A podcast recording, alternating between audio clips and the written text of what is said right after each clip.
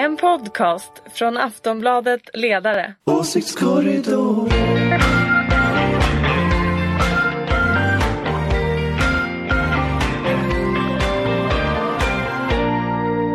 Ja, välkomna till Aftonbladets ledarsidas podd som heter Åsiktskorridoren som kommer ut varje fredag. När vi spelar in det här är det torsdag morgon.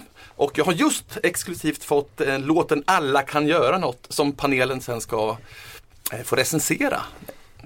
Välkommen Ulrika Schenström, Tack. moderat. Yes. Anders Lindberg, Hej. Ingvar Persson Jajamän. och ni är sosseherrar och jag är Fredrik Virtanen. Ska vi recensera en låt alltså? Mm, det är alltså en, en, en Vi går mer och mer in mot kultur. Det, det är en mystisk glidning i det här programmet tycker jag. Det är Sara Dawn Finer, Mauro Scocco, Plura, Lilla Namo, eh, Patrik Isaksson, Uno Svenningsson. Eh, sa jag Mauro Scocco? Ja det sa jag va? Du? Ja, absolut. Mm, som har gjort en låt som med pengarna går till Unicef. En, en klassisk hjälpsång, ni vet som eh, Live Aid och så vidare. Jag och som tycker din handlar- fråga är lite vinklad om vi ska, vi ska recensera den. Det är en Live Aid-sång och pengarna går till allt Ja men bra. kvalitet får man ändå prata om, även om det är ett gott syfte. Men vi, vi, ja, vi kan lyssna lite, vi kan förhandslyssna lite. Bara sådär för att få ett smakprov. Det här är början. Vi lyssnar vidare sen.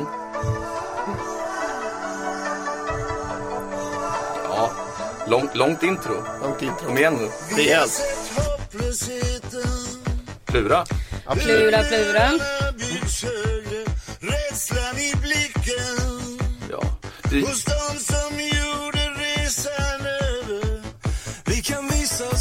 Och där kom Mauro. det kom Mauro in, ja. Bra Ulrika.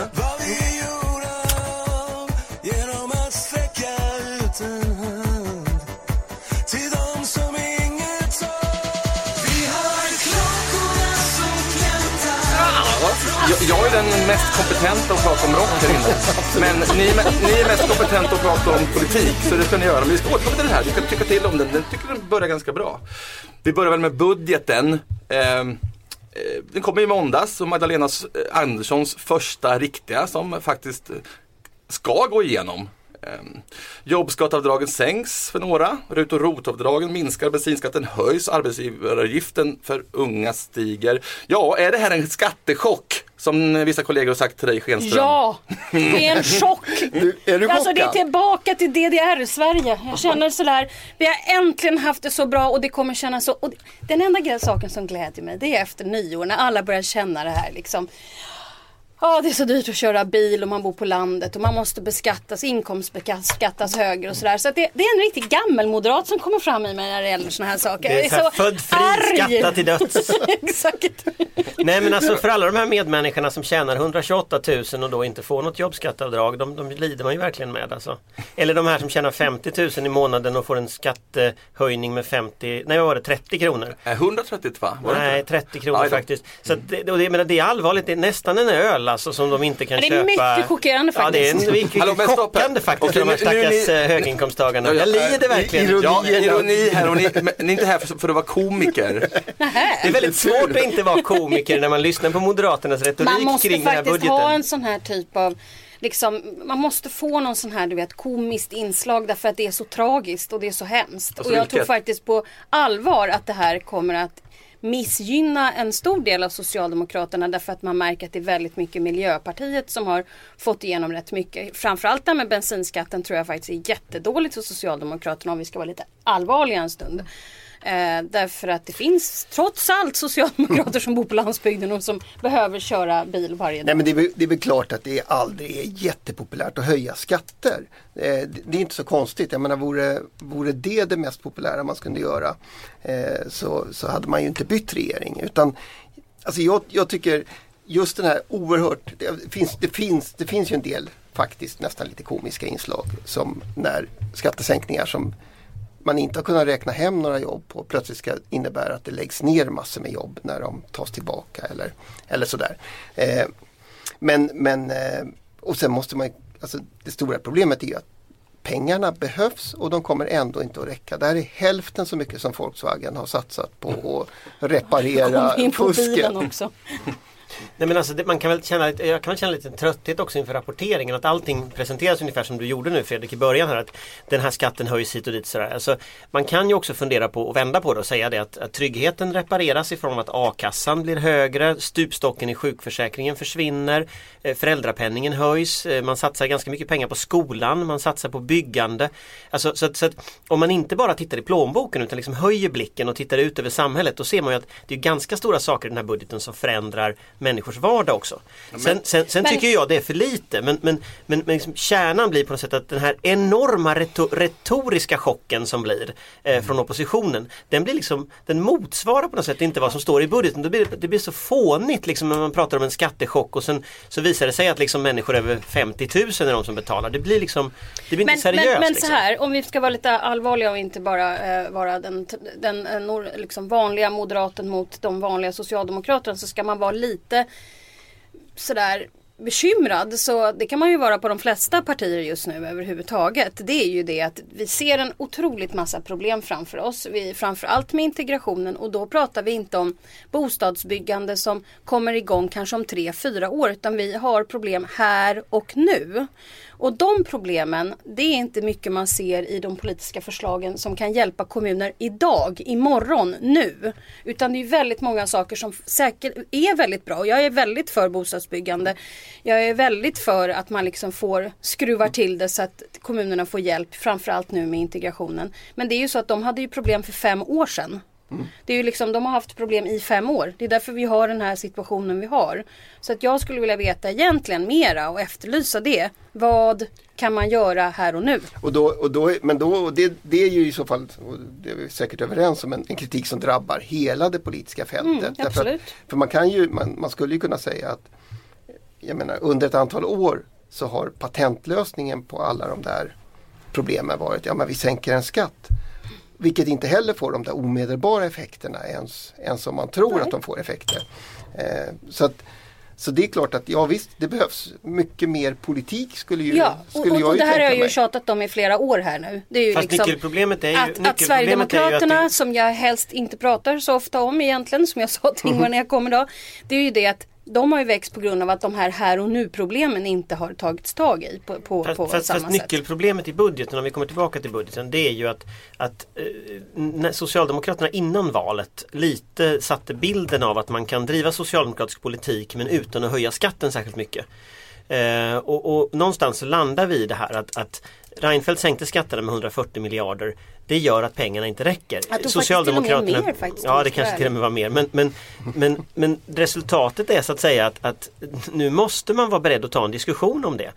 Kan vi med det här skatteuttaget bedriva den politik man vill ha? De sakerna som Ulrika säger här nu med bostadsbyggande och sånt, de kostar ju pengar. Exakt och och det, det, är ju, det är ju här så att säga som, som jag tycker att man både från Socialdemokraternas sida men också oppositionen måste inse att, att nu måste vi höja skattenivån, skatteuttaget ganska mycket. Och vi måste framförallt titta på sådana som kapitalskatter som man inte tittar på. Man måste titta på den här typen av frågor som ränteavdrag och sånt och fundera lite på hur finansierar vi välfärden eh, långsiktigt? Och det, det är på något sätt nästa diskussion som måste föras nu och då kanske vi måste upp till ungefär samma skattenivå Ja, som vi jag- hade innan Reinfeldt började sänka skatten. Men nu tycker inte jag att du och jag ska låta som de här som vi faktiskt på något sätt ibland eh, också eh, analyserar. Utan helt och hållet är det så att den här budgetdebatten hade varit otroligt mycket mer intressant ifall den faktiskt talade om vad man behöver göra här och nu. Inte liksom den vanliga liksom slänga saker på varandra vilket bara kommer gynna SD.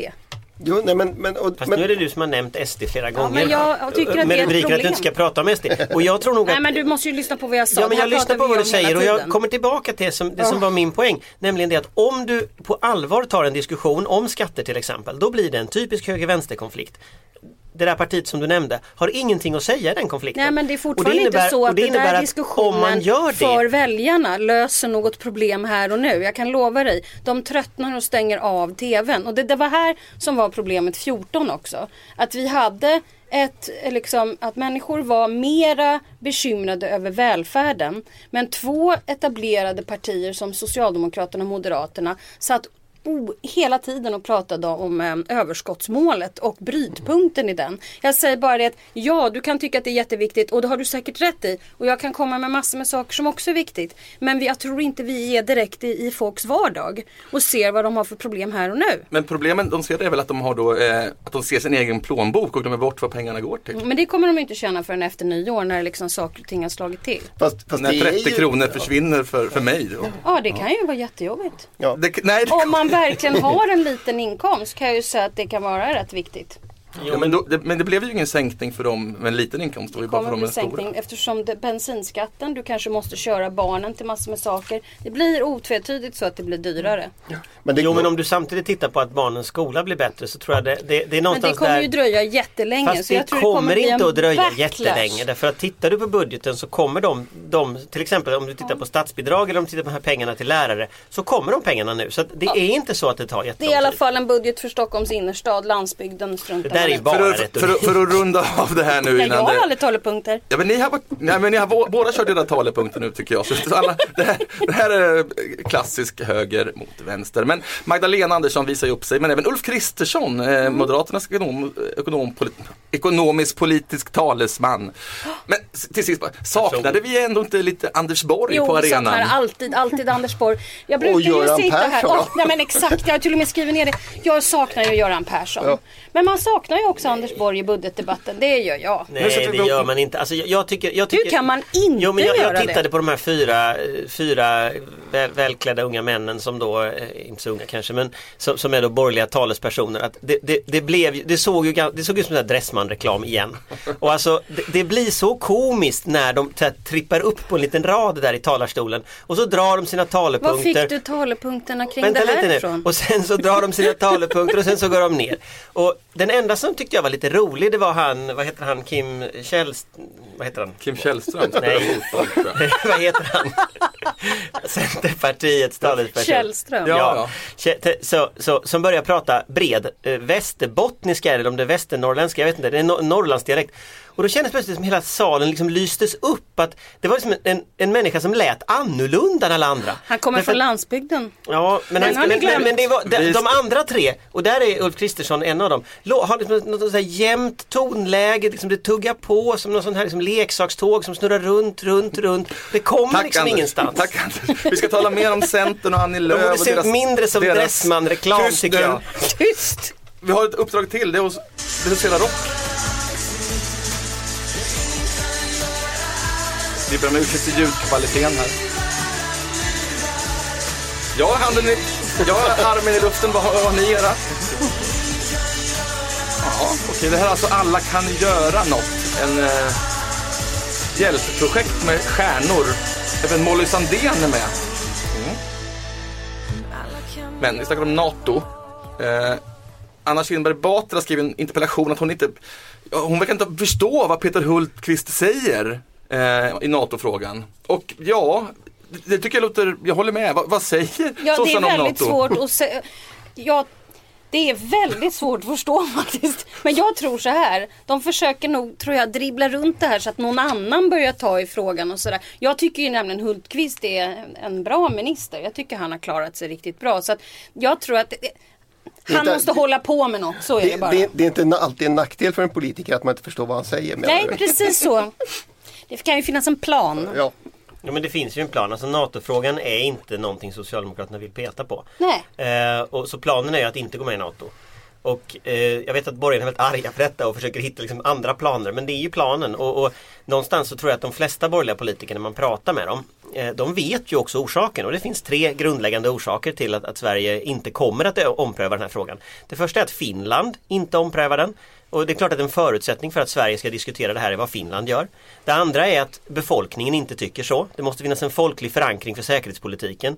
Just nu tycker 41 procent är för NATO. Det är liksom, räcker ju på långa vägar inte för en folklig förankring. Och det tredje är att det finns ingen majoritet i riksdagen. Och en majoritet i riksdagen kräver att Socialdemokraterna tycker så. Så att de tre sakerna finns ju inte på riktigt och då för vi den här typen av liksom så här, torrsimsdiskussioner eh, där alla skriker att någon annan borde säga något eller man Mm. Liksom diskuterar inte- smygvägar hit och dit och sådär. Jag, jag har inte ens sagt något än så du behöver liksom inte Men Anna Kinberg. Batra Jag har sagt ingen, något. Ja men jag är ingen, du behöver inte låta så här, det är alldeles, Men du är inte- oh, du skälver där du är inne. inte- du är jag inte säger bara så här, jag är ingen det NATO. Ryan Reynolds here from Mint Mobile. With the price of just about everything going up during inflation, we thought we'd bring our prices down. So to help us, we brought in a reverse auctioneer, which is apparently a thing.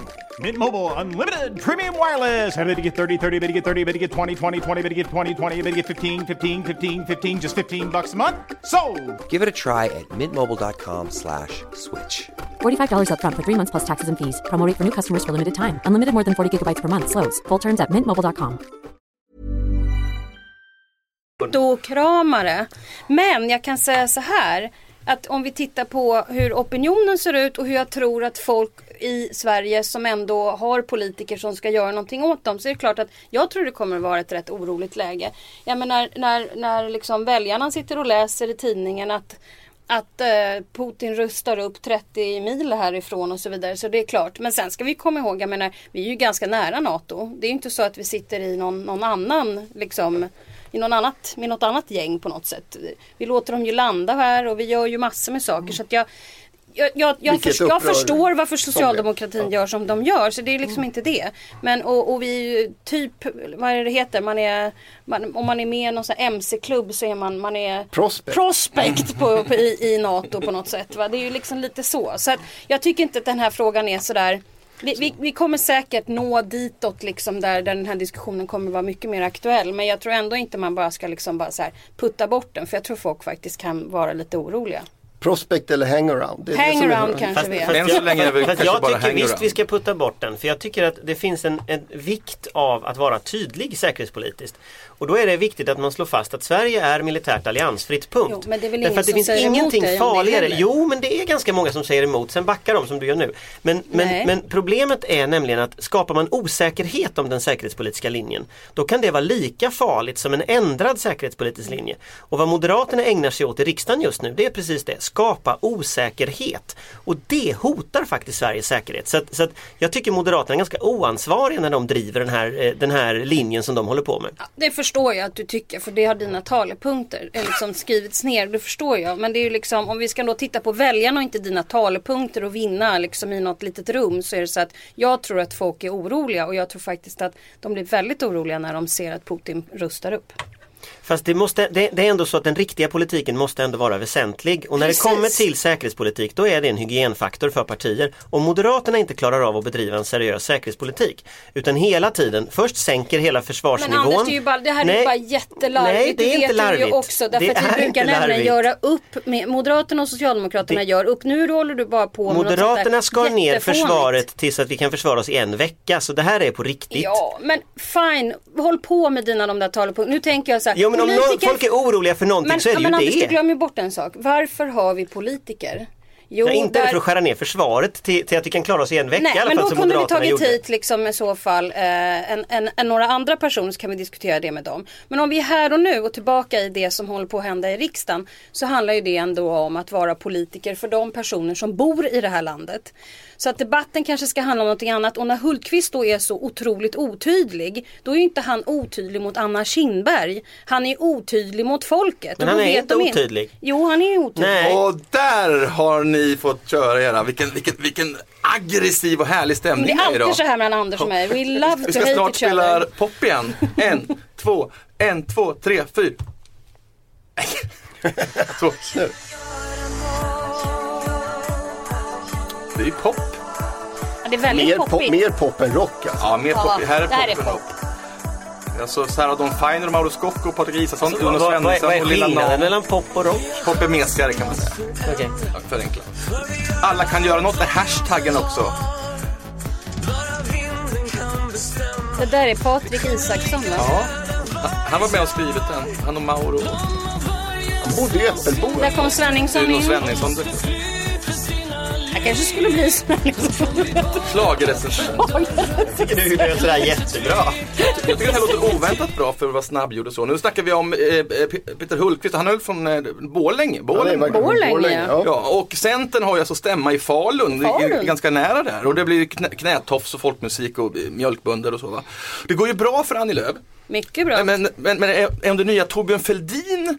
Eller kommer hon få nöja sig med att bli en, eh, en, en, eh, Olof Johansson? Det beror ju på vad hon kommer att ha för självbild. Alltså när det går bra så får det inte stiga en åt huvudet och då måste man ha människor omkring sig som talar om för en att man är dödlig. Ni vet Caesar på vagnen. Så att det gäller ju att liksom i ett uppåtgående inte skaffa sig massa ja-sägare som hela tiden talar om för dig. Det är så himla bra nu, det går fantastiskt. Och sen börjar man tro på det själv. Och då fortsätter man inte kanske politikutveckling eller annat. Sådär. Men går det så bra? Alltså jag, jag tänker när, när de häromdagen presenterade en opinionsundersökning som, demonst- som påstod att Centern skulle kunna få 27 procent av väljarna.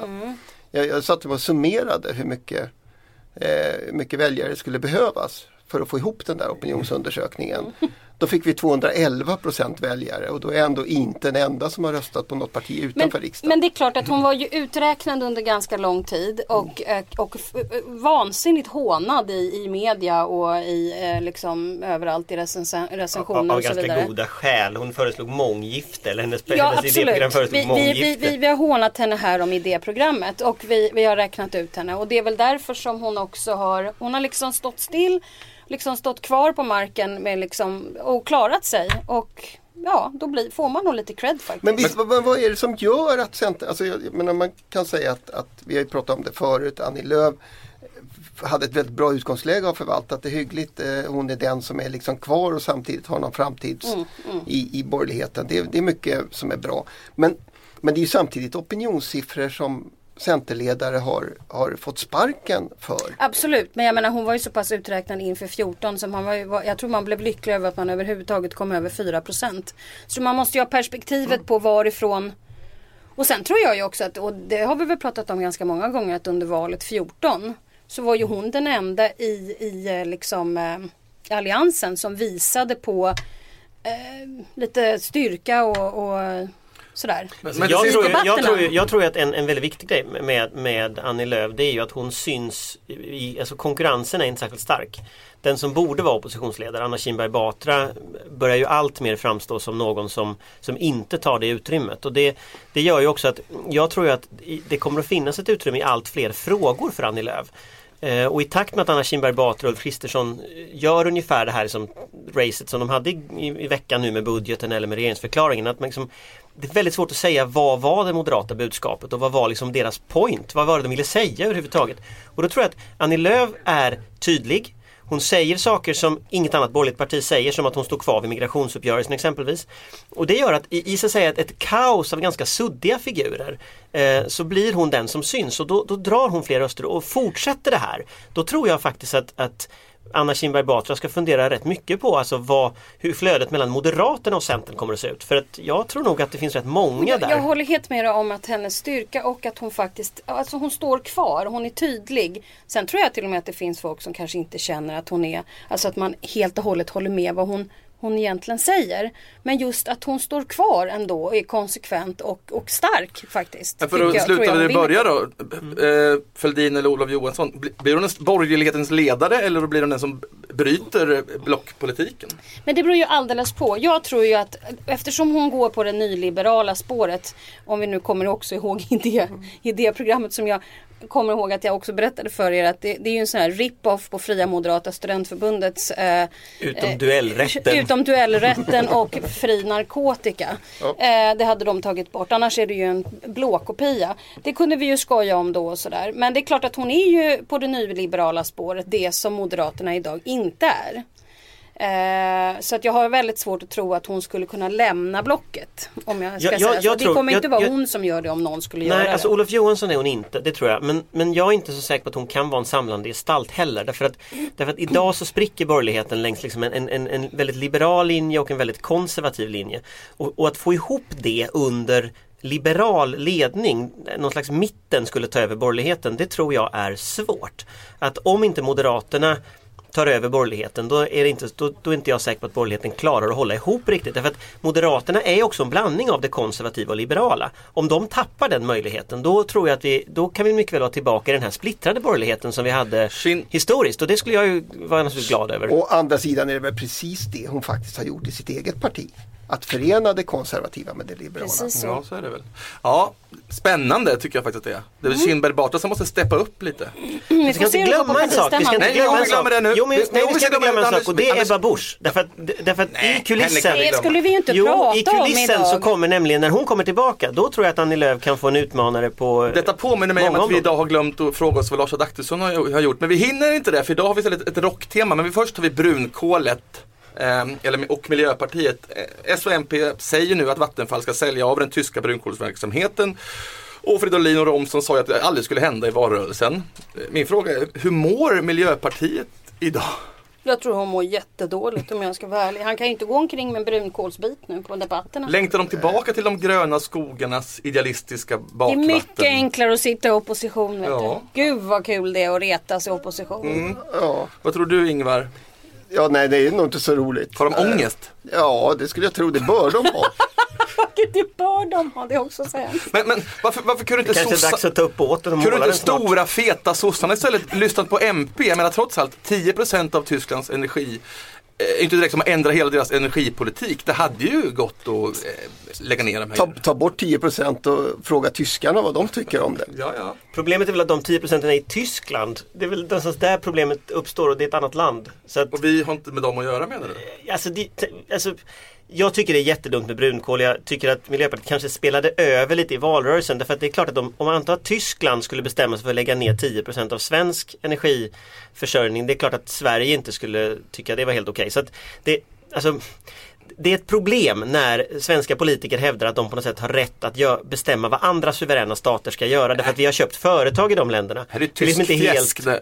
Ja, men det är inte helt klockrent och det innebär att när de då körde så hårt i valrörelsen på det där så kanske man skulle lagt till en brasklapp om att liksom om det är möjligt och hej och hå. Men om man liksom totalt die hard kör en linje som sen visar sig inte funka, det är klart att då har man en ganska dålig dag. Och sen gjorde de sig ju oanträffbara nästan hela dagen igår. I förrgår. Så, att- och det blir ju ännu pinsammare därför att det är klart att, att, det är, alltså, att, att liksom inte förklara vad det är man har gjort för ställningstagande. Det är klart det ställer till det. Ja, men kan man inte vända på det då och tänka sig att folk kommer se dem som regeringsdugliga nu och inte bara ett parti av glada Men idealister? då gör man sig inte oanträffbar Ah, två dagar. den, Man, man den kanske, alltså, en, invändningen. en, en bra regel i politiken det är att inte säga saker man inte kan stå för. Eh, och i det här fallet så, så, så och liksom inte säga en sak och göra en annan därför att det blir problem. Det, det är oftast lättare om vi pratar Annie Lööf till exempel att göra en sak, säga den och sen förklara varför. Och sen kanske inte folk gillar den alla gånger men det, det är ofta mer framgångsrikt. Så jag, jag tror att miljöpartisterna har nog ett problem där. Sen tycker jag att brunkol är en väldigt dålig idé så jag tyckte deras ursprungliga idé var ganska bra men, men ja, den höll ju inte riktigt hela vägen. Nej. Så, detta om brunkolen, då så ska vi eh, Den här kolbiten finns kvar på nätet för övrigt. Ja, nu vet inte jag, Patrik Syk heter han som klipper det här programmet och jag vet inte nu när vi pratar under den här dåliga versionen jag spelar så kanske inte han kommer kunna klippa in den här. Vi får be om ursäkt för allt detta. Vi är tysta en stund och berättar vilka det är. Det är Molly Sandén, Plura, Mauro Scocco, Sara Dawn Finer, Patrik Isaksson, Unni Svenningsson. Ja, artisteliten som hjälper flyktingar och pengarna går till... Vilken var det nu då? Unicef. Okej, vad tycker du om den här låten? Anders, du har ju suckat hela tiden. Nej men alltså jag ska vara ärlig, det, är att det finns två saker jag inte begriper mig på överhuvudtaget. Det ena är fotboll och det andra är musik. Så att jag, jag kan liksom inte recensera musik bättre än jag kan recensera en fotbollsmatch. Och, och någonstans, alltså det, jag kan inte det. Så, att, så att jag vet inte. Det är väl jättebra att de gör musik för, för flyktingar. Liksom. Det är väl bra? Det är bra. Eller? Ja, vissa är emot kändisar som håller på och larvar sig bara Eh, Jag tycker kändisar som, som ställer upp är bra. Eh, Så jag menar jag är för det. Men att recensera musik, det, jag vågar inte riktigt. Jag kommer bara framstå som... eh, Ingvar, du är en gammal bluesman, vad tycker Jag du? är- Ja, faktiskt country snarare, det måste jag erkänna. Eh, Men eh, John Denver och sånt. sådana grejer, absolut. Det är ju ganska bra. Nej men det här, det här är väl, eh, alltså dels är det, dels är det ju kul med, med engage, alltså musiken som en, ett engagerat forum för engagemang och sånt där. Va? Det är okej, det är inte ANC-galan, det är inte berget till för att flyttas, men det är eh, okej och, Schenström, och kul. Nej, men jag, jag, tycker, jag tycker att den här är jag tycker att den är ganska bra men sen så gillar jag ju Plura och Mauro och allihopa de här. Jag tycker också den är bra. Jag tror till och med att det kan bli en hit. Det låter som en hit faktiskt för den är, inte- den är inte så cheesy. Jag tror det kommer spelas på kommersiell Ja det är jag helt, radio. övertygad, helt Det, övertygad om. blir, det funkar. Det var Åsiktskorridoren eh, med Ulrika Schenström, Yes. Anders Lindberg, Ja. Ingvar Persson. Så är det. Jag heter Fredrik Virtanen. Tack för att ni lyssnade. Och trevlig helg. Ja. Bra att, du- att du helst hade trevligt där Ulrika. Åsiktskorridoren